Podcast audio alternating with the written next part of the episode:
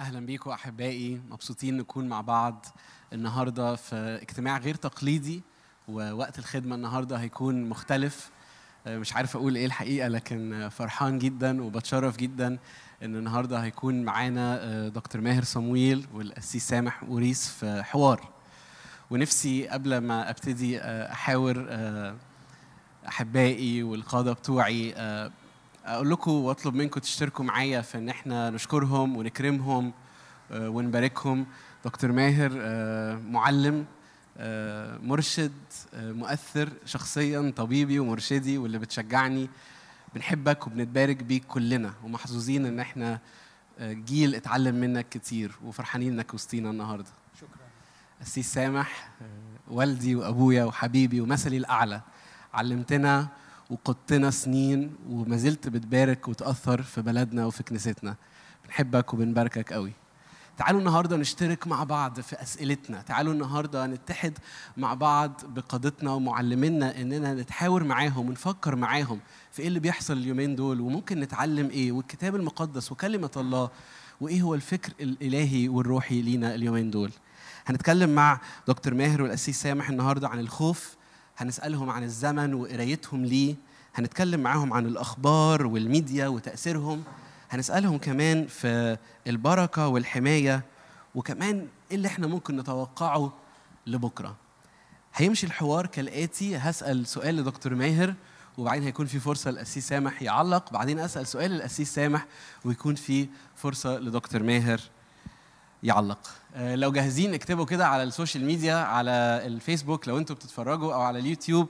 ولو أنتوا بتتفرجوا من التلفزيون خبطوا كده على أهاليكم اللي جنبكم وقولوا لهم يلا نتعلم يلا نسأل يلا نستفاد. وصلوا معايا دلوقتي إن ربنا فعلا ينير عيون أذهاننا إن نفهم وندرك مشيئته وفكره لينا كمصريين وكأولاده وكشعبه في العالم العربي كله. جاهز يا دكتور ماهر؟ تحت أمرك. جاهز يا سي سامح؟ أنا متحمس جدا. السؤال الأولاني. دكتور ماهر هو إيه اللي بيحصل اليومين دول؟ كلنا بنسأل هو إيه اللي بيحصل؟ هو إحنا فين؟ وإيه ده؟ والسؤال الأعمق هنا فين ربنا؟ هو بعت لنا كورونا ولا هينقذنا منها؟ و إيه اللي بيحصل بالظبط؟ يعني آه، اللي بيحصل غريب وعجيب لكن لازم نكون فاهمين كويس إنه ده غريب وعجيب على الجيل بتاعنا. لأن إحنا ما شفناش حاجة زي كده آه، قبل كده. يعني أنا عمري قد عمرك مرتين تقريبا لكن برضه ما شفتش حاجة زي كده. ففي كل الجيل بتاعنا آه، لم نعايش تجربة وباء يجتاح العالم كله. فده ده اللي مخلينا حاسين إن دي حاجة غريبة وعجيبة وجديدة. لكن بلا شك القارئ للتاريخ البشري يعرف إنه ده لا غريب ولا عجيب ولا جديد على تاريخ البشرية.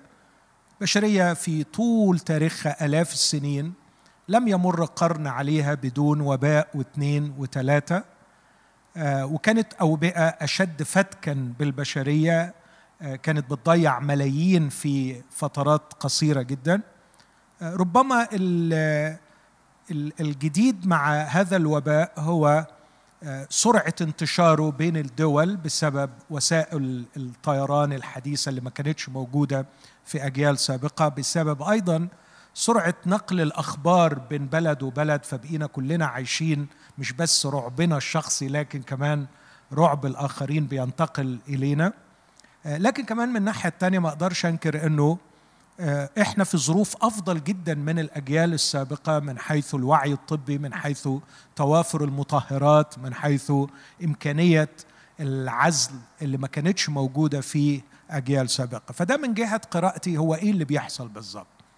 من جهة موقف ربنا هل هو ربنا اللي بعته الكورونا؟ هل هو ليه يد في اللي بيحصل؟ برضو أقدر أقول إنه على مر العصور المؤمنين بالله انقسموا إلى ثلاث أقسام من جهة قراءتهم للواقع ودول المؤمنين. قسم يميل ناحية الربوبية أو الديزم. ربنا ملوش دعوة بأي حاجة بتحصل. ده مكروب والعلم هيتكفل بالموضوع وربنا حط للدنيا قوانينها وما بيتدخلش. وللأسف ده موجود أحيانا بين المؤمنين المسيحيين إن ربنا ملوش دعوة بأي حاجة بتحصل. وفي اكستريم تاني أو تطرف تاني الفتاليزم أو القدرية. وده برضو موجود بين المؤمنين المسيحيين إن كل حاجة بتحصل ربنا هو اللي عاملها. فهو الذي يعني يتدخل في المرض وفي حتى في الشر هو مصدره. وده تطرف تاني وأنا بشوف إن التطرفين دول يتناقضوا تناقضا شديدا مع كلمة الله. إحنا بنؤمن أن الله ليس مصدر الشر لكنه مسيطر عليه. إذا تطرفت وقلت إن الله مصدر الشر فهذه إهانة كبيرة لله لا تليق بطبيعة الله الذي رأيناه في يسوع المسيح. وإذا عزلت الله عن الواقع وقلت إن ملوش دعوة هذه إهانة لسلطان الله. اللي علمنا عنه المسيح أن شعره من رؤوسكم لا تسقط بدون إذن أبيكم. شعره مش حياتي مش عمري ينقص يوم. شعره من رأسي لن تسقط بدون إذن أبي. فقراءتي أين الله؟ الله حي الله موجود الله كبير الله أعظم من الكورونا الله عادد شعر رأسي الله عادد أيامي. الله متداخل في كل خلية في جسدي. الله عينه تفحص كل شيء ويده تصل إلى كل شيء ويسيطر على كل شيء. والخبر الرائع الجميل اللي تعلمناه في كل العهد القديم والجديد إنه الذين يريدون الله الذين يدعونه إلى حياتهم ويسلمون السلطان يعني اللي بيعيشوا في ملكوته هو وعدهم بوعد جميل جدا إنه يجعل كل الأشياء تعمل معا لخيرهم. فيقدر من أبشع الشرور حتى لو دخلوا المرض حتى لو اتعزلوا في مصحات حتى لو يعني وصل بهم الأمر إلى الموت يجعل كل الأشياء تعمل معا لخيرهم للذين يحبون الله. فدي ببساطة قراءتي للواقع أو رؤيتي فين الله وإيه اللي بيحصل. أمين. دي إجابة مشجعة قوي. فهمت من الدكتور ماهر قاله لي إنه ولا الله هو السبب في المرض لأنه مش بيكون مصدر للشر لكن في نفس الوقت هو مش بعيد والدنيا مش خارج سيطرته. أسي سامح تحب تقول إيه تاني في السؤال ده؟ أفتكر أنا أتفق مع ما قاله الدكتور ماهر. وكلمة الله بتقول كده إن الله لا يجرب ولا يدع يدعكم تجربون فوق ما تحتملون. فالله ليس مصدر التجربة الشريرة. وفي نفس الوقت مش بيسمح إن نجرب أكثر مما نحتمل كمؤمنين وإنه معنا في التجربة وإنه يحول الشر خير. فأنا عندي وعود ليا كمؤمن تجعلني مطمئن في قلب العاصفة ما يكفيني. ودي كلها آيات كتابية اللي أنا اللي أنا ذكرتها واحدة وراء الأخرى. فأنا أتفق مع الدكتور ماهر يمكن اللي بيميز الجائحة المرة دي زي ما قال بالظبط إنها بانديميك يعني كل الطاعون والإنفلونزا الأسبانية والاخر اجتاحت مناطق معينة بشكل مكثف جدا. لكن المرة دي إحنا مش عارف 200 دولة لغاية دلوقتي ولا كام. وزي ما قال لأنه العالم بقى متصل ببعضه. فلم تعد الشيء يحدث في مكان في عزلة. العالم لم يعد معزول الناس بتروح سياحة في كل حتة وبتنقل الحلو الوحش لكل مكان. وأفتكر الشلل اللي حصل المرة دي لم يحدث من قبل. إن الطيران يتوقف الاقتصاد في دول عديدة يتوقف. وده بسبب الذعر. وبسبب إن أنا مش عارف ده إيه. وإحنا نزلنا بنكتشف هو إيه البتاع ده. يعني لسه علماء عمالين يقولوا إحنا إحنا ليه لناس بيبقى fatal للدرجة دي وليه بيعدي على واحد تاني بيكح كحتين وبيخف؟ فهو إيه ده؟ كل ده immunity ولا كل ده جرعة الفيروس ولا هو إيه بالظبط؟ يعني إحنا لازلنا في مرحلة اكتشاف هذا الفيروس العجيب. هو فعلا من الواضح إن على قد ما ربنا عارف وربنا عنده كل السلطان لكن الإنسان عنده أسئلة كتير وإمكانياته فعلا غلبان. محدودة بشكل غير عادي. سؤالي التاني تكملة للسؤال اللي, فات وكلنا وإحنا بنقرأ الكتاب المقدس بنسمع في ايات عن نهاية الزمان بنقرأ سفر الرؤيا بنسمع في نبوات دانيال وكمان في الأناجيل كان في أجزاء في الكتاب بتشير إلى آخر الأيام أو أيام معينة هتكون صعبة الضيقة العظيمة هتسمعوا عن زلازل عن أمراض فأسيس عايز أسألك هو إحنا فين في الكت... في تاريخ الكتاب المقدس؟ أو تشاور فين في الكتاب المقدس عشان تقول لنا أيوه 2020 أهي. أو كورونا بيشاور على هذا الإصحاح أو هذا الجزء سواء جزء بعينه أو مبدأ كتابي. كتاب كلمنا عن الأيام دي فين؟ يعني عندي رأيي الخاص في في القضية ديت إنه في تعليم المسيح الواضحة إنه آه، في ساعة لا تظنون يأتي ابن الإنسان ويأتي كلص وعلينا أن نكون مستعدين أن تكون اللحظة القادمة هي نهاية التاريخ. وده من ألفين سنة. من ألفين سنة. أكيد كل ما الزمن بيمر وعلامات كتيرة من اللي قالها المسيح بتتحقق إذا نحن أقرب من هذه الساعة. وحط واحد من العلامات أن يكرز بهذا الإنجيل في كل العالم وده إحنا آه، على وشك أن هذا يتحقق بصورة أو بأخرى والميديا ساعدت على الأمر ده. آه، آه، تكون أخبار زلازل وبراكين وإحنا طول العصور بزلازل وبراكين وأوبئة فإحنا عمالين نجمع يعني we are accumulating العلامات ديت آه، بصورة أو بأخرى. آه، إني أحدد بقى 2020 تقع فين من الزمن ده. أنا أفتكر إني أكون مفتري إذا أنا حاولت أعمل الحكاية ديت. آه، والمحاولات السابقة اللي حاولت تحدد فاضل لنا آه، ساعة من المش عارف إيه وفاضل لنا نص ساعة آه، بقت كلها بخيبة أمل شديدة. لا يعني الرب يتأنى لأنه لا يشاء أن يهلك قوم. يعني هو كتاب قال لنا هو ليه متأني؟ وعايز يقبل الجميع إلى التوبة و و و ونفسه إن المصايب اللي إحنا عملناها في روحنا دي تفوقنا وترجع الملايين إلى معرفة آه، ربنا. آه، فعشان كده أن اني أدعي بإني أنا بناء على الجائحة دي أقول نحن على مسافة قد إيه من خط النهاية آه، أفتكر أنا يعني آه، آه، بتخطى محدوديه البشرية. السيد المسيح قال إن هذه الساعة جعلها الآب في سلطانه. يعني he will determine when الآب سيحدد متى تأتي الساعة بنهاية هذه الكوكب وبداية جديدة بعالم آخر وسماوات جديدة وأرض جديدة. وكلمة جعلها في سلطانه معناها إنه مش أحداث معينة هتحصل وبعدين يحصل. لا ده هو اللي بيقرر إمتى الوقت المناسب. يعني في أشياء ستحدث تجعل آه، الزمان قد أتى. منها أن يكرز بهذا الإنجيل.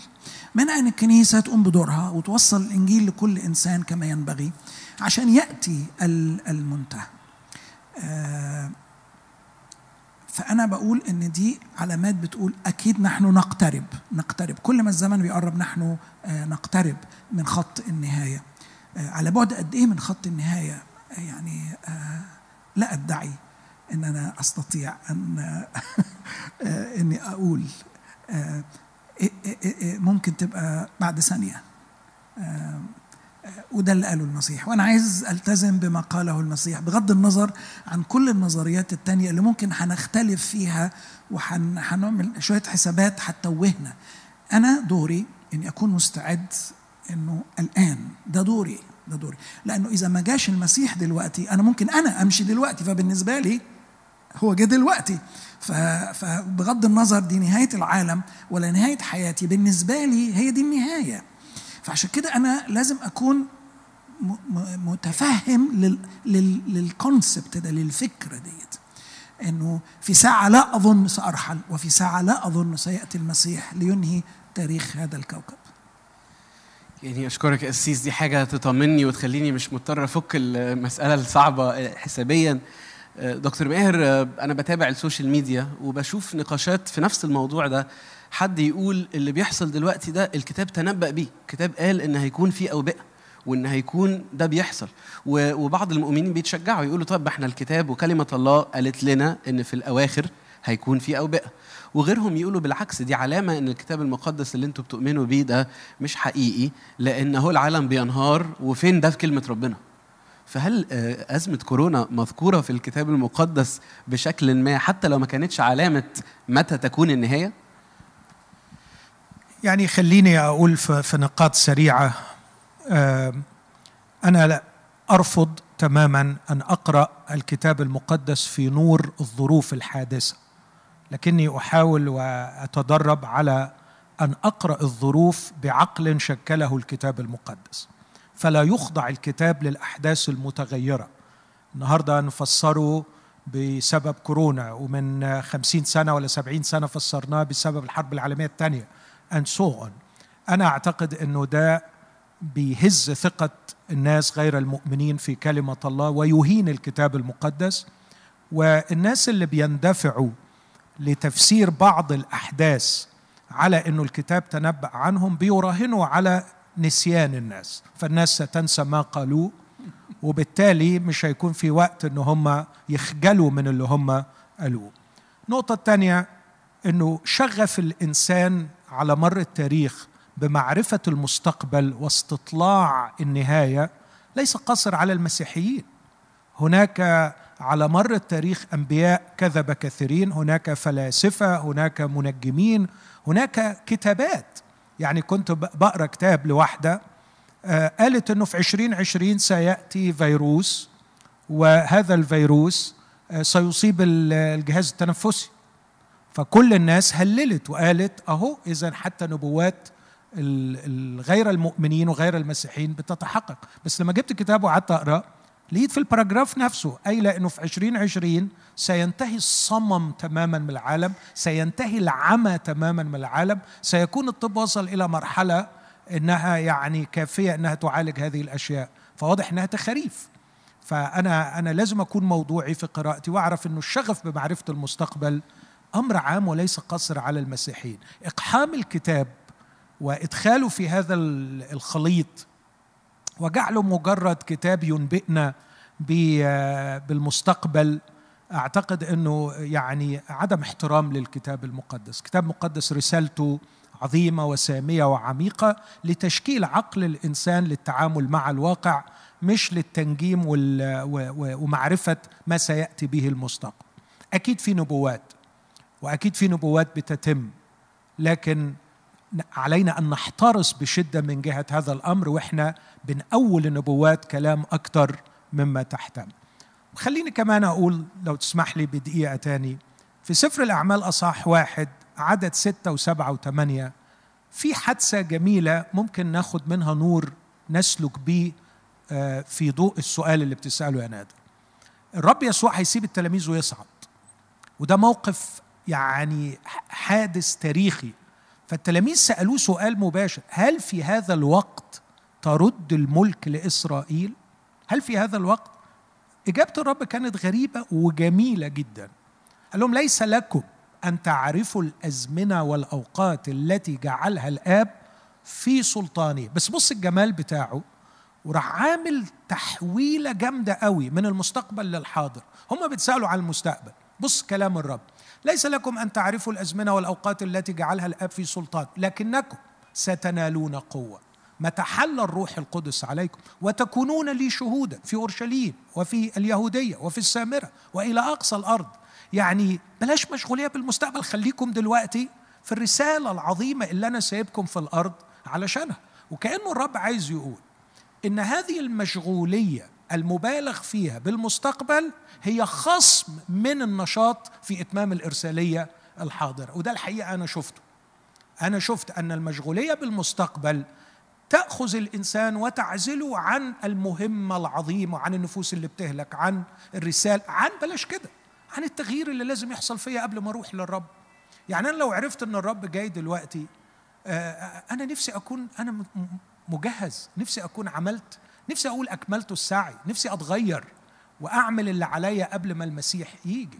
فأنا أعتقد إنه علي أن ألتزم برسالة المسيح بإنه ليس لكم أن تعرفوا الأزمنة والأوقات التي جعلها الآب في سلطانه انشغلوا بالروح القدس الساكن فيكم والإرسالية اللي عليكم دلوقتي. وكمان أنا بشوف إن الرسول بولس كان دايما بيتكلم عن إنه مجيء المسيح هيحصل في أيامه. ما كانش بيخرف ما كانش بيغلط. زي ما البعض تصور إنه غصب عنه يا حرام آه، كان غلطان. لا لأنه هي هو ده قصد المسيح أن يعيش كل مؤمن في عصره في زمانه على أن المسيح قد يأتي الآن. يعني أعتقد لو الاسيس سامح والدكتور ماهر مش بيحاولوا يحسبوا المستقبل ومش قلقانين منه ومش بيحاولوا يفكوا اللغز ممكن أنا وانتوا نرتاح ونقرر إن إحنا نثق في الرب وفي مواعيده وفعلا نشوف إزاي نعيش النهارده استعداد أكنه بكرة هيكون آخر يوم في حياتي. وأعيش النهارده آه، دوري وأشوف إزاي روح القدس يعمل فيا من غير ما أقلق على إمتى هيحصل إيه. وأثق في ربنا. ومش كل حاجة هو قالها لنا. لكن قال لنا كفاية كتير نقدر نعيشه ونشوفه. عايز أنقل الحوار لطريقة شخصية أكتر. ويا دكتور ماهر يمكن هحول مناقشة شخصية ما بيني أنا وأنت في الأسابيع اللي فاتت لمناقشة عامة. هل طبيعي إن مؤمنين اليومين دول يكونوا خايفين؟ سواء خايفين على صحتهم أو خايفين على أهل أهليهم أو على فلوسهم. الأيام دي في آه، آه، دواعي للخوف. منطقية. وبعض الناس بيقولوا لو أنا منطقي المفروض أخاف وبالعكس قلة الخوف ممكن تكون استهتار. وفي برضو بعض الناس بيقولوا لأ المؤمن مش بيخاف ولازم أكون في سلام. فهل في مساحة للخوف؟ آه، والمساحة مفتوحة لغاية فين؟ وأنت عارف أنا كنادر بالذات اليومين دول الخوف يعني بيتشاق معايا قد إيه. فشاركنا كده بفكرك وإيه هو الفكر الكتابي ناحية خوف المؤمنين في زمن زي ده؟ يعني يمكن نادر أبدأ بإنه التصور أن الإيمان بالرب يسوع وانتمائي ليه وسكن الروح القدس فيا تحولني إلى سوبرمان. أو تخرجني من دائرة الإنسانية بضعفها وعجزها ومحدوديتها وطبيعيتها. فأنا بإيمان المسيح صرت مسيحيا لكني لم أتحول إلى سوبرمان. أنا إنسان في لحم ودم. ايليا رجل الله العظيم يعقوب يقول عنه كان ايليا انسانا تحت الألام مثلنا. إنسان تحت الألام.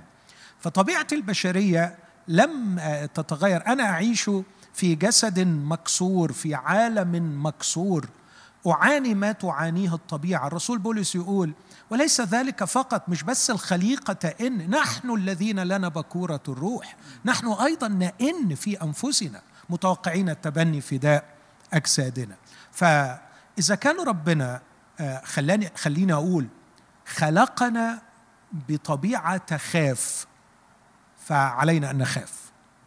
والخوف آه والخوف الحقيقة في مواقف كثيره هو عطية من الله للإنسان لإنقاذه من الخطر. لو أنا دلوقتي قالوا لي أسد داخل عليك وما خفتش أنا محتاج علاج من مرض السكيزوفرينيا. أنا عندي مشكلة عقلية.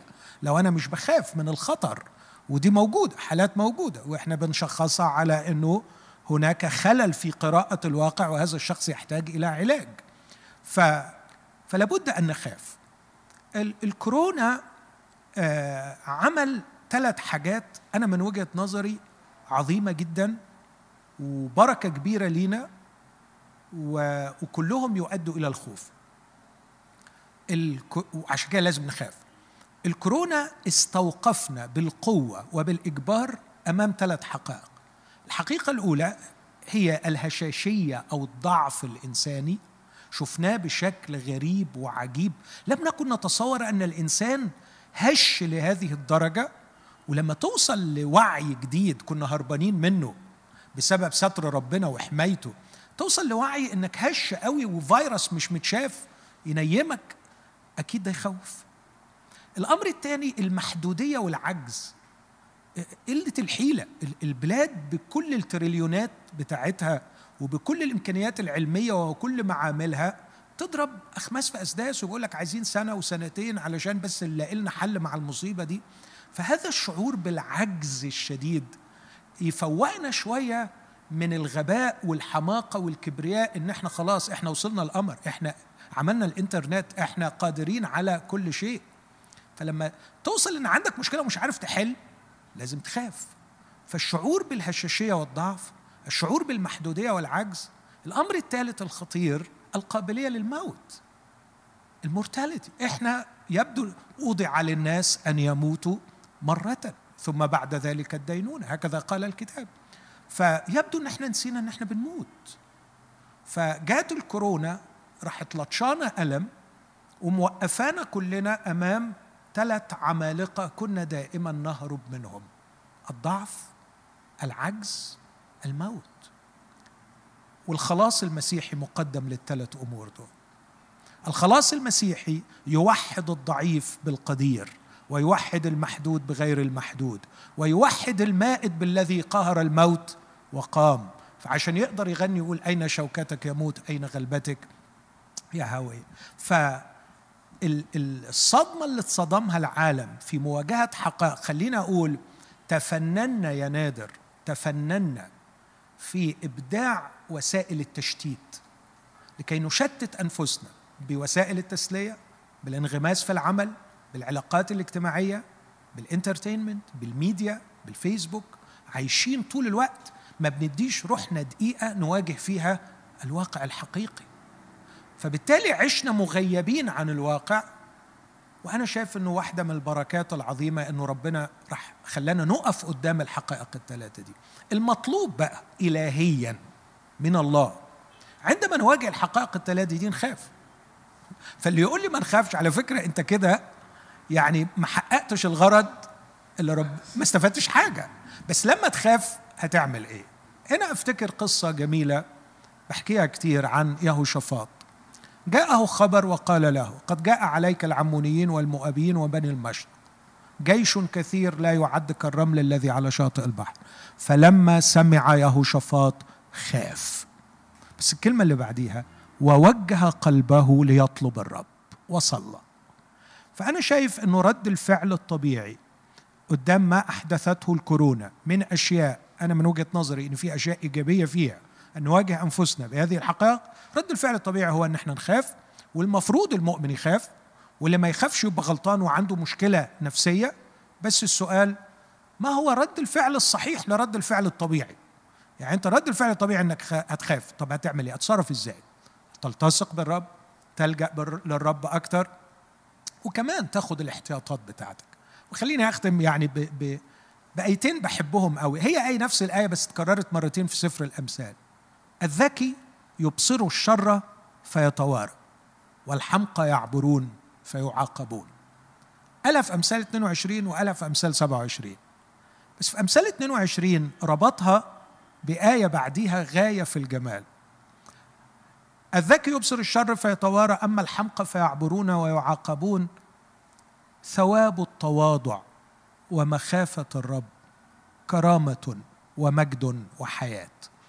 وكأنه عايز يقول إن هذا الذكي الذي اختفى من الشر يعني بلغتنا في الكورونا عمل كل الاحتياطات بتاعته وخلى باله هذا ليس جبن لكن ده تواضع ومخافة للرب. لأنه الراجل عارف محدوديته وعارف إمكانياته فما بيكبرش.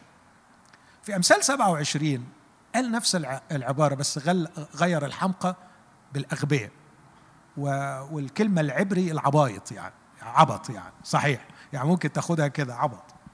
آه، فقال الذكي يبصر الشر فيتوارى أما الأغبياء فيعبرون ويعاقبون.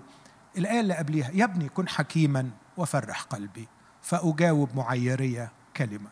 يعني عايز يقول أنه الاختباء من الشر ليس جب لكنه حكمة. فأنا بشوف أنه أن, أن نأخذ الاحتراز الكافي من الخطر المحيط بنا لا يمكن أن يفسر على إنه عدم ثقة في الرب ولا عدم إيمان في الرب. بالعكس ده تواضع لأننا نعرف محدوديتنا وكمان حكمة. لكي لا أعرض نفسي للشر ويسوع المسيح عمل كده. يسوع في يوم سمع أن الفريسيين سمعوا أنه يعمد مع إنه لم يكن يعمد بل تلاميذه فترك اليهودية ومضى إلى الجليل. في خطر هنا ما نروحلوش برجلينا. ف يس إحنا غصبا عننا لازم نخاف وربنا قاصد إن إحنا نخاف بس نجيد التعامل مع هذا الخوف بإن إحنا يعني نتصرف حسنا فيه. وعندي كلام أكتر يعني ممكن أقوله لك إزاي نتصرف حسنا أمام الخوف إيه اللي نعمله لكن مش عايز أطول في الإجابة دي يمكن يكون في سؤال آخر يعني. هنرجع لها أكيد و... وحتى لو مش مع الناس لوحدينا. أنا يعني أنا متشجع باللي أنا سمعته دلوقتي. دكتور ماهر بيقول لي أنا مش مطلوب مني أكون سوبرمان وأنا لما قابلت الرب آه، أنا ما زلت في الجسد ده وما زلت في العالم ده وإن الخوف مش دايما غلط. آه، لكن برضو يا أسيس بنسمع منك كتير إزاي إن خوفي لما أروح بيه لربنا ممكن مش يهرب بمعنى ينتهي آه، وأكن آه، اتعلمنا جانب إيجابي من الخوف دلوقتي اللي هو بيبقى فيه حكمة إيجابية. لكن هل ممكن في في محضر الله هل ممكن في مقابلة مع ربنا خوف ي- يهدى أو يهرب؟ ربنا عنده حل للخوف؟ يعني آه، الآية الشهيرة فلنخف لأنه آه، مع بقاء وعد بالدخول إلى راحته يرى أن بعضا منكم قد خاب منه. يعني بيقول أن كان في وعد آه، للشعب أن يدخل والبعض ما دخلش فلازم نخاف. إن الوعد في حد ذاته لا يكفي لكن لازم يكون فيه الإيمان والطاعة عشان نرث آه، ففي خوف صحي وفي خوف مرضي. خليني اقولها كده في خوف بيشلني ويخليني أعمل اللي مش ما أعملش اللي المفروض أعمله أو أعمل الغلط. فاهم قصدي؟ آه، آه، في خطر جاي عليا فخوفي بيخليني أقف مكاني فالخطر يلتهمني. أو أجري فيجري ورايا فيلتهمني فاهم؟ يعني يعني يقول لك لما كلب يجري عليك اقف. لو جريت هيجري وراك وي... لكن لو وقفت له آه كده هيقف هو. آه، آه، بس أنا لازم أخاف. يعني رد الفعل الطبيعي للخطر إني أخاف. ده شعور. دي مشاعر. ده reaction ل action لازم يبقى adequate لازم يبقى آه، رد فعلي العاطفي مساوي لحجم الحاجة ده. لو حاجة ما تخوفش وأنا خفت زيادة يبقى عندي رد فعل مش مظبوط مش ادكويت مش موازي لحجم ال- الخوف اللي بيهددني آه، التهديد اللي بيهددني. آه، أنا بتكلم كده علم نفس أنا آسف بس آه، ف آه، الخوف الطبيعي معناه إن أنا إنسان طبيعي. الخوف الزائد عن الطبيعي معناه إن أنا عندي آه، ضعف معين محتاج آه، أراعيه. عدم الخوف أمام الخوف زي ما قال الدكتور ماهر معناه إن أنا مش مظبوط. يعني أنا عندي حاجة راكبة غلط لأن أنا كان المفروض أخاف وما خفتش. آه، فالسؤال هو الخوف ده بيؤدي بيا إلى إيه؟ زي ما قال برضه الدكتور ماهر فطلب وجه الرب فجعل وجهه لطلب ربنا راح لمصدر الأمان عمل الصح أمام الخطر. فأنا بعمل إيه قدام التهديد ده اللي يقول لي أنا إنسان آم، آم، جبان ولا أنا إنسان عاقل؟ مع ربنا مع ربنا آه، هحس بالخوف بس هعمل إيه؟ هترمي مع ربنا. إذا سرت في وادي ظل الموت لا أخاف شرا.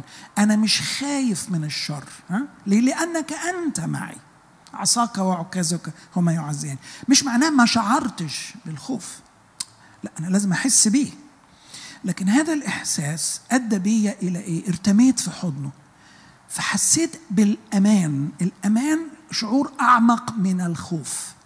الخوف ده رياكشن الأمان ده طمأنينة عميقة داخلية خلتني قادر أفكر صح خلتني قادر آخد القرار الصح خلتني أقدر أقف الموقف الصح في الحياة. فإحنا مش بنتكلم عن ما تخافش إحنا بنتكلم عن الأمان السكيورتي وده أعمق دي حالة بعيش فيها. الخوف رد فعل مؤقت للحاجة. أنت خضتني فأنا خفت. ما إذا ما خضتنيش وأنا ما خفتش يبقى أنا ما ما ما عنديش استيعاب. لكن الأمان شعور آه، مستمر معايا. أنا ساكن في حصن ربنا. أنا وضعت حياتي. أنا عندي ثقة فيه فأنا مش عايش مرعوب مش عايز مش عارف أتلفت لكن لما خطر جاء خفت. لكن الخوف ده أدى بيا بسبب الأمان اللي جوايا إني أنا رحت للمكان الصح إن أنا خدت القرار الصح إني أنا تفاعلت بطريقة حقيقية وصحيحة مع الموقف دوت. واضح؟ ف...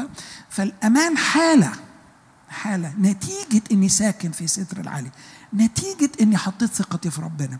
نتيجة إني إني حياتي وديعة في إيد ربنا وعارف إن محدش هيقدر ياخدها منها غير لما هو يقررها? فده أمان أنا عايش فيه. فده اللي بنتكلم عنه. سلامي أعطيكم ليس كما يعطي العالم? فأنا باخد حاجة من ربنا العالم ما يقدرش يديهاني. ده مش بيمنع الرياكشن بتاعي لحاجة تخوفني.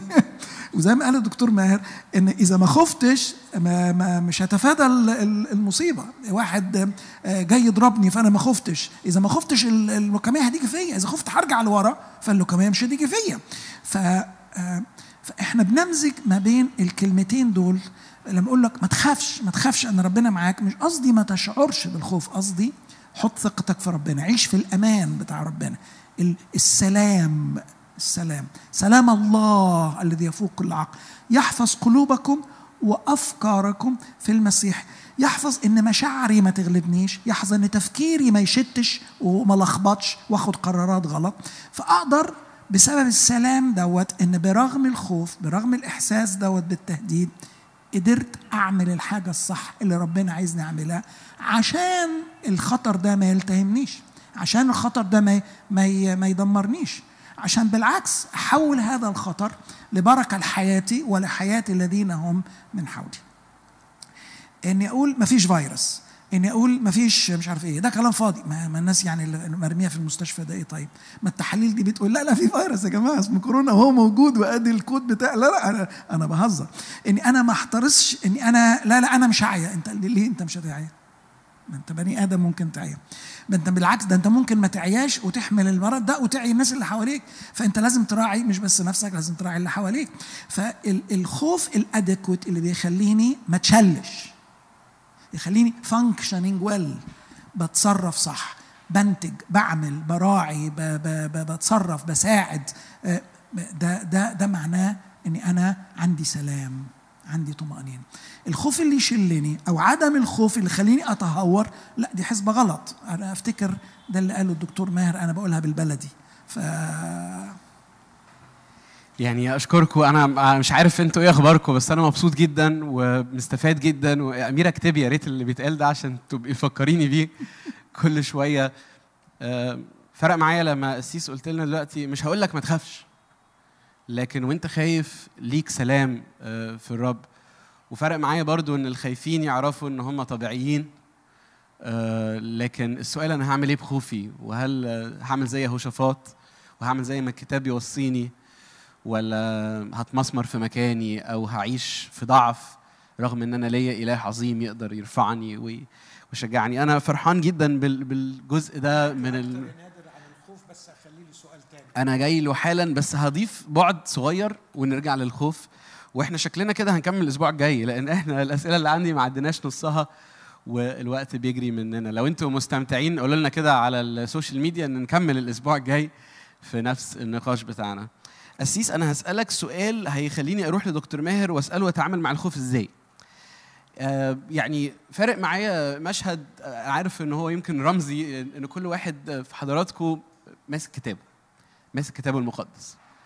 أنا مش عارف تعرفين ولا لأ بس هو إحنا في الأغلب ك مش مصريين بس في العالم إحنا اليومين دول ماسكين حاجة برضه وبنبص فيها طول الوقت اسمها الشاشة. الشاشة دي بتديني ميديا سواء بقى تواصل اجتماعي أو قنوات إخبارية أو رفاهية واليومين دول إحنا في رمضان وعندنا مسلسلات وعندنا الأخبار وعندنا برامج وعندنا ال social media بقى يعني في صفحات بتقول إنه ده أصلا فيلم هندي ومفيش مرض. وفي صفحات بتقول في صفحة ظهرت في مصر امبارح واحد بيثبت إن في 9000 واحد ماتوا في مصر من الكورونا. ده واحد إنسان دي مش وكيلة أنباء حتى. الميديا دورها في حياتنا إيه؟ أنا اسمائهم بس. لا. يعني طبعا مفيش مصداقية بس قصدي أقول ان الشاشة بتأثر. وأنا واحد اهو بقضي مع الشاشه ما أعرفش كل واحد فيكم بيقضي كام ساعه لكن يعني أقل واحد اليومين دول بيقعد له ساعتين ثلاثة بيبص على الشاشه وبيتعرض لميديا. إحنا كمؤمنين نتعرض للميديا ولا ما نتعرض لهاش نتجنبها لا نتجنبها. طب تأثيرها علينا إيه؟ وبعدين هيجي الدكتور ماهر يقول لك بعد ما زودنا على الخوف الميديا. طب اعمل إيه؟ فقول لي يا أسيس الأول عايز تقول لنا إيه على الميديا؟ اهربوا منها يا ولاد ولا خلوا بالكم صدقوا ما تصدقوش. انت بتتفرج على الاخبار أصلا؟ كل يوم.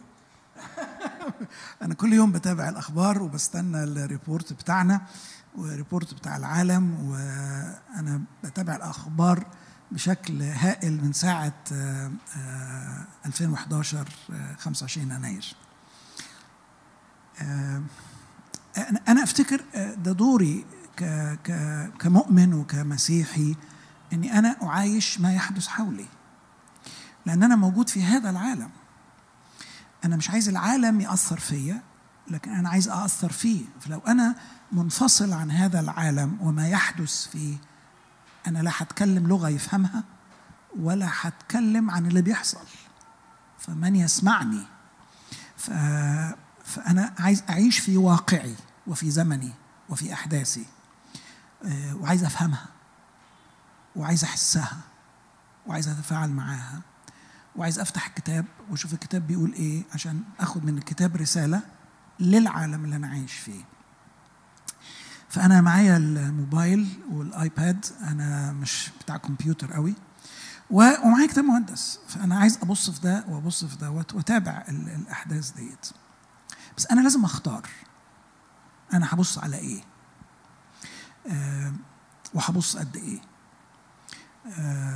وهكتفي إمتى بالخبر؟ لأن خلاص بيتكرر وملوش لازمة والخبر هيستوعبني وي- ويشلني ولا آه أنا فهمت. أنا خدت الرسالة اللي أنا عايزها ومش مجرد بقى بضيع وقتي مع مع الخبر. آه، فالميديا وسيلة تواصل. بتوصل الحقيقة وبتوصل أكاذيب. بتوصل آه، آه، معاني وبتوصل فلسفات غلط ومبادئ غلط وبتصور وبتوصل إباحية وبتوصل قلة أدب بتوصل كل حاجة الحقيقة. يعني هي وسيلة تواصل. وبقت متاحة للكل وبقت آه، خيالية يعني. والإبداع فيها وهاو اتراكتيف بقى مذهل. آه، فأنا أكيد عايز أبص لكن لازم أختار أنا ببص على إيه؟ وبدور على المصادر الحقيقية. وبقارن المصادر ببعضها عشان أتأكد الخبر ده حقيقي ولا بيضحك عليا. لأني ممكن أتاخد بفكرة و... وإن ده مس وده مش عارف إيه وده 5G وده مش عارف إيه وده كلام فاضي ومفيش أصلا فيروس ودي أشعة ورماها مش عارف إيه. يا جماعة يعني ما أنا دكتور برضو فاهم؟ ويعني واللي طلع والنهاردة عندنا الجينوم بتاعه رقم بتاعه يعني ما ده مش ده مش آه، ده مش 5G ده مش آه، ده مش شعاع ضرب ال- البتاع دوت. والشعاع مش هينتقل بال آه، بالرذاذ. فأنا لازم أقرأ وأفهم وأحلل عشان يبقى عندي المعلومة. أنا محتاج أعرف المعلومة وأحللها. آه، ربنا عمل لي مخ عشان كده. ولازم أتفهم لأن بناء على الفهم بتاعي دوت آه، أنا هاخد قرارات في حياتي وللآخرين.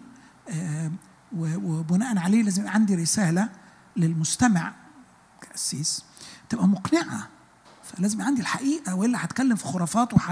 وهاخد هلاوس وانشرها وهيبقى منظري يعني ولا مؤاخذة يعني ف آه، فأنا اللي بختار أنا هتفرج على إيه آه، وإيه نوع ال entertainment لو أنا عايز أعمل entertainment لنفسي وعايز أخرج من الواقع ده وأقضي وقت مع مع فانا بتفرج كتير مثلا على ال National Geographic. والحاجات ال- الحيوانات والطبيعة ولان أنا بحس إن أنا بحب الطبيعة وبحب العالم اللي ربنا خلقه وأحب أفهم أسراره وأتفرج عليه آه، وبتعلم دروس من ال من البيولوجي. أنا أنا دكتور فأنا فاهم بيولوجي. ولما بتفرج على عالم الحيوان والدنيا وال- والقوانين ديت أنا بالنسبة لي ده إثراء فكري. في وقت أنا عندي وقت. طب ما أنا آه، اثري نفسي آه، بالحكاية ديت. فأنا لازم أختار أنا هدخل إيه لعقلي؟ وإيه الصور اللي هدخلها؟ وهتبنيني ولا تهدمني؟ هتبدي فرق معايا ولا مش فرق معايا؟ ولازم أوازن ما بين الكمية دي اللي داخلة من هنا وبين الكمية دي اللي داخلة هنا. آه، لأن ده النضارة اللي لازم تحكم دوت. ولو اللي داخل من هنا أكتر بكتير من هنا أنا هيختل توازني الروحي والنفسي والعقلي. آه، لو أنا بقرأ هنا ومش بقرأ هنا خالص أنا هبقى بعيد عن العالم اللي بعيش فيه وبفقد دوري. وبفقد رسالتي وبفقد إحساسي كإنسان آه، بالناس. آه، مش عارف دي الإجابة؟ يعني أنا أنا بتكلم في السؤال بتاعك أكيد أنا أكيد. خرجت بره أنا افتكرت لما يسوع كان بيصلي في يوحنا 17 وبيصلي لينا وبيقول لس أسألك أن تأخذهم من العالم بل أن تحفظهم من الشرير. فأنا مش هبعد عن الميديا وأبقى كاني كائن فضائي لكن آه، محتاج أخلي بالي أتفرج على إيه؟ وقد إيه عشان التوازن ما يختلش. يمكن ده ملخص كويس. ماشي. اشكرك يا أسيس. و... وأنا عارف يعني دكتور ماهر آه، أنا قصدت أجل آه، حتة أتعامل مع خوفي إزاي آه، قبل ما أكون دخلت موضوع الميديا. وعايز أسمع حضرتك قبل ما نسمع أتعامل مع خوفي إزاي رأيك إيه برضو في موضوع الميديا؟ لأن الموضوع خطير والأخبار والأرقام اللي بسمعها الوقت اللي فات أنا شخصيا بحب أبحث مرعبة. يعني آه، دلوقتي التليفونات الحديثة بتقيس عدد الساعات. وكنت سمعت قبل كده إن المعدل آه، بتاع الناس في العالم آه، إن الناس بتبص في شاشة الموبايل آه، معدل متوسط خمس ساعات في اليوم. والرقم ده خضني إنه رقم عالي. آه، عملت بحث قريب واكتشفت إن إحنا دلوقتي المعدل بتاعنا بقى 8 ساعات في اليوم من ساعة أزمة كورونا ما قعدت كتير من الناس آه، في بيوتهم. فلو أنا عندي 8 ساعات في اليوم على الشاشة ما أعرفش مين مننا بيقرأ الكتاب المقدس لمدة 8 ساعات ده يبقى خبر ممتاز طبعا. لكن كده مش هنلحق ولا ناكل ولا ننام. فتأثير الميديا علينا إيه؟ وعلاقته بالخوف وبعدها على طول حضرتك ادخل في حلول وتعاملات مع الخوف. يعني خليني أأكد على كلام الأسيس سامح. أهمية عدم انفصال المؤمن عن الواقع. إحنا محتاجين نعرف الثقافة المحيطة بينا واللي بيعاني منه الناس آه، قد إيه بنبهر بالرب يسوع اللي في وسط مشغوليته بإرساليته العظمى. كان عنده أخبار عن الذين سقط عليهم البرج في سلوان فمش بس لما جم بيسألوه بيقولوا له عن الذين خلط بيلاطس آه، ذبائحهم بدمائهم فهو قال لهم وكمان أنا عندي خبر إنه حصل إن البرج وقع في سلوان وموت كام واحد. فمتابع الأخبار ومتابع عدد الوفيات وعدد الإصابات وعارف. فلم يكن سيدي المسيح منعزلا عن الواقع لأنه بيحب الناس وعايز يخدم الناس فعايز يعرف إيه اللي مخوف الناس.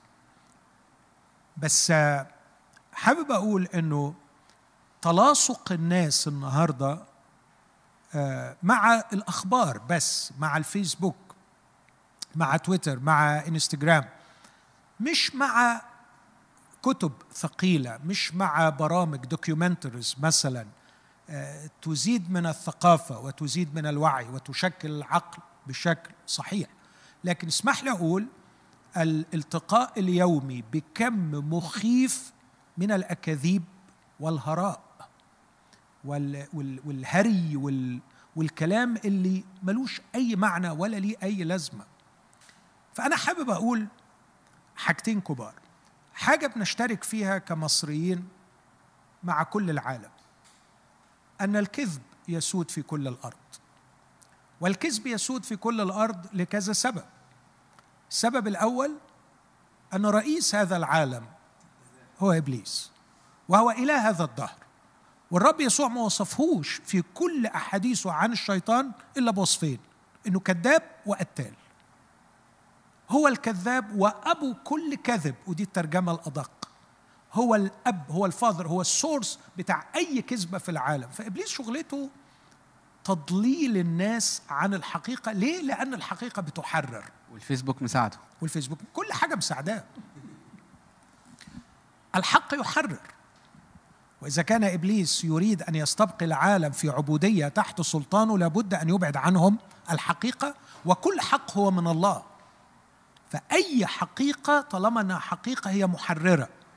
فإبليس من من مصلحته إنه يبعد الحقيقة عن الناس والناس ما أسهل إنها تنطق بالكذب وتنشر الكذب دون أن تفكر فيه.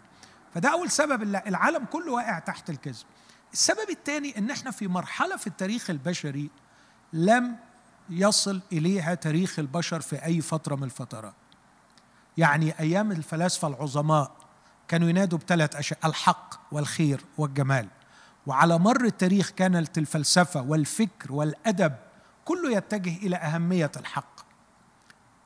من 1970 من القرن العشرين دخلنا في عصر ما بعد الحداثة وقالوا إنه ما فيش حاجة اسمها حق مطلق فالحق نسبي. فنسبنة الحق ميعت الأمور وجعلت it's okay هو ده حق بس ده من وجهة نظرك لكن مش ضروري يبقى حق ليا. من 2016 دخلت في قاموس اوكسفورد دخل تعبير جديد post-truth era post-truth نحن في عصر ما بعد الحق مش ما بعد الحداثة ما بعد الحق. وقصدهم بالكلمة المرعبة دي إنه الحق ما يهمش. مفيش حاجة. إيه إيه الحق ده؟ الحق ده اختراع اخترعوه بعض الناس عشان يسيطروا بيه على الآخرين. فسيبك من الحق. المهم اللي بيشتغل المهم اللي بيجيب نتيجة المهم اللي بيكسب. واتقال ساعتها بالصدد إنه ترامب كان في تشكيك في بعض الطرق اللي, اللي يعني وصل بيها وفاز بيها وبتاع. فقال لك إحنا في عصر بوست تروث يعني مش مهم خالص حقيقي ولا مش حقيقي. فتخيل لما ده يسيطر على ضمائر العاملين بالإعلام يسيطر على ضمائر المتحكمين في الميديا إنه مش بس الحق نسبي لا الحق ما يهمش. إحنا عدينا عصر الحق. الحاجة الثالثة بقى اللي ناقشت اللي, بفكر فيها وارتعبت منها آه لما بدأت أسمع مثلا فيديوهات وأحللها بدقة للي بيدعوا نظرية المؤامرة. آه كم الإتقان في عرض القضية علشان فما قدرتش أمنع نفسي كطبيب نفسي من نعمل psychoanalysis وأقول الناس دي مريضة. ففي مشكلة تانية إن السايكولوجي بتاع الناس هو اللي بيتحكم فيما يؤمنون به وفيما يرفضونه وفيما ينشرونه وفيما يقولون وفيما لا يقولون. فممكن واحد متغاظ من واحد يألف تأليفة كبيرة ويصدقها يعني على انتقاما من هذا الشخص. أو علشان يهدم هذا الشخص أو يوصل هذا الشخص. والناس عندها استعداد تضحي بالغالي والرخيص في سبيل الانتقام من شخص بأنه يقول أكاذيب. فنحن في عالم الأكاذيب وعلى المؤمنين وأنا برجوهم من خلال البرنامج ده. برجوهم. إنه يا جماعة نعرف أن العالم يسوده الكذب وعلينا أن نصحو لكي ما لا نصدق الكذب. دي حاجة. المشكلة الثانية بقى من ناحيتنا إحنا كمصريين مش انه بس الحق غاب والكذب بيسود إحنا ملوك الفهلوة. إحنا مش بتوع العقل النقدي مش بتوع العقل اللي بيفحص ما يسمع ويراجع ما يسمع. إحنا يا نادر بتوع المذكرات لو تفتكر في كلية الطب. إحنا مش بتوع ال textbooks إحنا مش بتوع المراجع إحنا مش بتوع ال authorities مين اللي قال الكلام ده؟ أي واحد بي بي بيفتي في اللاهوت وأي واحد بيفتي في العلم وأي واحد بيفتي في الطب. أنا ببقى قاعد في قعدات كتيرة مع ناس بيفتوا في الطب كلام غريب كلام غريب وأنا قاعد بستغرب فعلا أو يفتوا في علم النفس بكلام غريب وكله كله بيتكلم وكله بيقول وكله. فإحنا مدارسنا وجامعاتنا لم تطور لنا العقل النقدي اللي موجود عند الناس بره عند الغرب بالذات. فالحضارة الغربية مملوءة بالأكاذيب زينا زيهم لكن على الأقل نظم التعليم طورت عند الأولاد العقل النقدي اللي بيقول هو ده صح ولا لأ. هو ده ينفع ولا ما ينفعش؟ هو ده زي ما كان بيقول أسيس سامح هو ده كلام يركب ولا ما يركبش مع مع الحقائق المثبتة. أنا أجرؤ إني أقول أن الرب يسوع علمنا أن يكون لنا العقل النقدي. ويريدنا وأقولها بجراءة وباحترام وأنت عارف غلاوة الكتاب المقدس علي لكن المسيح يريدنا أن نتعامل بالعقل النقدي حتى مع النص المقدس.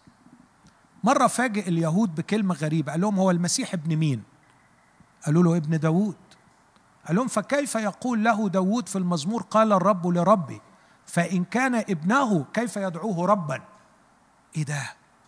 انت عايزنا نفكر في النص ونتساءل ونسأل النص ونعمل العقل النقدي في النص؟ يقول أيوه لأنه ده نعمة من نعم ربنا علينا ان أن نراجع ما نسمع. فإذا كان الرب يسوع يدعونا أن نعمل العقل النقدي في النص المقدس ألا يريدني أن أعمل العقل النقدي مع الفيسبوك ومع الأخبار ومع الكلام الفارغ اللي بيقولوه أي ناس؟ لا أعتقد ده مهم. تعليم بقى بقية الرسائل. الرسول بولس يقول امتحنوا كل شيء. لا تصدقوا كل روح. امتحنوا كل شيء وتمسكوا بالحسن فالرب يدينا نعمة إن إحنا نمتحن. آخر حاجة أقولها في التعامل مع الميديا. في رجلين من رجال الله وصلتهم أخبار وكان تعاملهم مختلف وأتمنى إن إحنا نتعلم درس. إيليا جات له رسالة خبر بيقول له إيزابل بتقول هكذا تفعل بالآلهة وهكذا تزيد إن لم أجعل نفسك كنفس واحد منهم.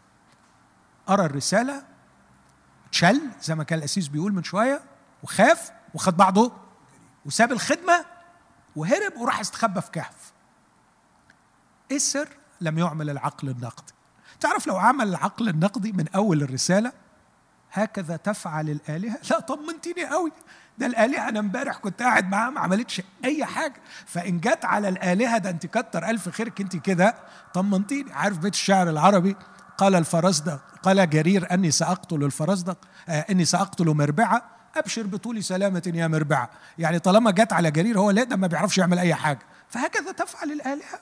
الآلهة ما بتعرفش تعمل حاجة يا ايليا وبعدين لما الرب واجهه بقى بين له إنه كان قاري الأخبار بشكل خاطئ ولخبط الدنيا وقال أنا بقيت وحدي ولا هو بقي وحده ولا يحزنون في واحد تاني بقى جات له رسائل مكتوبة بأخبار مرعبة وحقيقية. جزء كبير منها حقيقي. لما ربشاقي اللي هو بتاع سنحريب كتب رسائل تهديد لحزقية. كتاب يقول في إشاعة 37 فقرأ حزقية الرسائل ونزل إلى بيت الرب. ونشر الرسائل أمام الرب. فأنا عايز أقول نعمل العقل النقدي فلا نسقط في موقف إيليا. وإذا أعملنا العقل النقدي وطلعت فيه أخبار تخوف ما عندناش مشكلة. هناخد الأخبار اللي بتخوف ونعمل زي ما الأسيس قال من الأول أخدها وأروح بيها إلى الرب. والتعبير جميل نشرها أمام الرب. يا رب آدي الرسائل آدي الأشياء اللي تخوف أنا مش أديها لكن أنت أديها. قد إيه يعني الكلام ده مشجع بس في نفس الوقت يعني بيحذرني إن الميديا مليانة كذب وإن يظهر إن إحنا ببساطتنا بن بناكلها بسهولة. محتاجين خلي بالنا من الكمية ومن الكيفية محتاجين نحطها قدام ربنا ومحتاجين نشغل مخنا. عايزين نتكلم أكتر عن الخوف وعن حماية المؤمن وعايزين نتكلم عن نعيش إزاي الأيام دي ونتوقع بكرة إزاي لكن هنحتاج نكمل الأسبوع الجاي. لأن وقتنا خلص. نفسي وإحنا بنختم اجتماعنا النهارده آه، ناخد وقت نصلي فيه.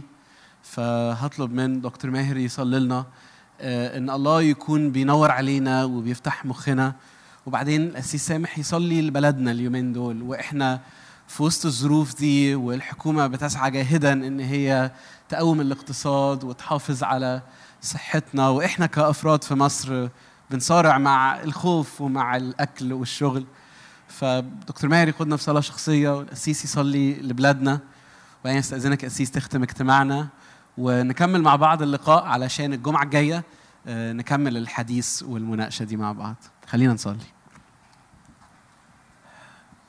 رب الحبيب يسوع أشكرك لأنك لم تكن لنا فقط المخلص بل القائد والقدوة. كنت دائما تدعونا وتدعو تلاميذك قائلا هلم ورائي. أرجو يا رب أن تفتح عيون شعبك وأولادك أن تفتح عيني وعيون أخواتي وإخوتي في كل مكان. تفتح عيوننا عليك على جمالك على روعتك على سلطانك. وتخلق فينا يا رب شغفا جديدا أن نكون مثلك. أنت الذي كنت محاط بالخطر في كل لحظة. منذ دخولك إلى العالم طلب ملك البلاد أن يقتلك. وعرفت معنى الهروب ومعنى الاختباء من الشر عندما جئت إلى أرضنا هنا إلى مصر. وعشت يا رب طوال أيامك محتقر ومخذول من الناس رجل أوجاع ومختبر الحزن مرفوض من الأمة مكروه الأمة. كنت في كل لحظة تتعرض للاغتيال والقتل. تشاوروا عليك بدل المرة مرات لكي يهلكوك. لكن يا سيدي لم نرك يوما مهزوزا أو ضعيفا. كنت قويا عظيما رائعا مملوء بالسلام. وتبث السلام في قلوب تلاميذك. أيها الرب الحبيب يسوع غيرنا لنكون شبهك. اعمل فينا بروحك لكي نحيا لأنك أنت حي بنفس نوعية حياتك. وأعطنا يا رب أيضا أن نكون كما طلبت وأمرت وأوصيت ملح ونور للأرض. أن نكون عاملين باجتهاد لبركة شعوبنا. نتمم رسالتنا. ننادي بيسوع الخلاص. لكل إنسان حولنا. أشكرك يا رب لأجل هذا اللقاء. أرجو أن تستعمل كل كلمة فيه لبركة شعبك الذين سمعوا. في اسم المسيح يا ابانا استجب آمين. يا رب نصلي عشان مصر. عشان هذه الأمة اللي أنت باركتها. عشان الشعب اللي أنت اديتنا نكون جزء منه. وسألتنا أن نقف على أسواره ونناديك وندعوك ونرحب بيك. وبنشكرك يا رب إنه في حتى في وسط هذه الجائحة إيدك واضحة إيدك واضحة. هذا الشعب البسيط بإمكانياته المحدودة أنت حافظت عليه حتى هذه الساعة. كمل يا رب. كمل. إيدك توضع على هذه الأمة يا سيدنا الرب. حماية حماية حماية. يا رب من هذا البلاء من هذه الكارثة من هذا الوباء. حكمة يا رب لرئيس جمهوريتنا وللحكومة ولوزارة الصحة بشكل خاص. حكمة سماوية. عشان تقود سفينة هذه الأمة يا رب إلى بر الأمان. حكمة يا رب. قرارات مصيرية هتحدد مستقبل هذا الشعب يا رب وحياة الكثيرين اقتصاديا وصحيا. يا رب إحنا شايفين إيدك ومتشكرين قوي قوي قوي قوي قوي على اللي بيحصل معانا. بس إحنا طمعانين فيك يا رب طمعانين في غنى نعمتك. إنك تتمم لنا كل المواعيد يا رب كل المواعيد. وإنك تزور هذه الأمة في هذه الأيام وتزور الناس في بيوتها في صحيانها وفي منامها. تزور مستشفياتها ومرضاها. يا رب. تزور فقراءها ومساكنها في احتياجاتهم المادية. في لقمة العيش اللي اتقطعت عن ناس كثيرين يا رب. إحنا طمعانين في كرمك يا رب. وفي غنى نعمتك يا رب. وبنقف ككنيسة واحدة من أجل هذا الشعب. وبنقول لك بركة يا رب. بركة يا رب. بركة بركة من عندك. من غنى سخائك. من غنى محبتك ومراحمك يا رب. وتعلن لهذا الشعب إن لأجل مراحمك صنعت هذا ولأجل مواعيدك صنعت هذا يا رب. إحنا بنصلي في اسم الفادي في اسم المحبوب في الدم اللي اللي دفع وسفك من أجلنا ونحن غير مستحقين. اسمعنا وأجيبنا. واسمعنا ونحن نصلي الصلاة التي علمتنا إياها. يا أبانا الذي في السماوات ليتقدس اسمك لياتي ملكوتك لتكن مشيئتك كما في السماء كذلك على الأرض. خبزنا كفافنا أعطينا اليوم. واغفر لنا ذنوبنا كما نغفر نحن أيضا للمذنبين إلينا. ولا تدخلنا في تجربة لكن نجنا من الشرير. بالمسيح يسوع ربنا. لأن لك القوة والمجد والسلطان إلى الآن وإلى أبد الآبدين. آمين.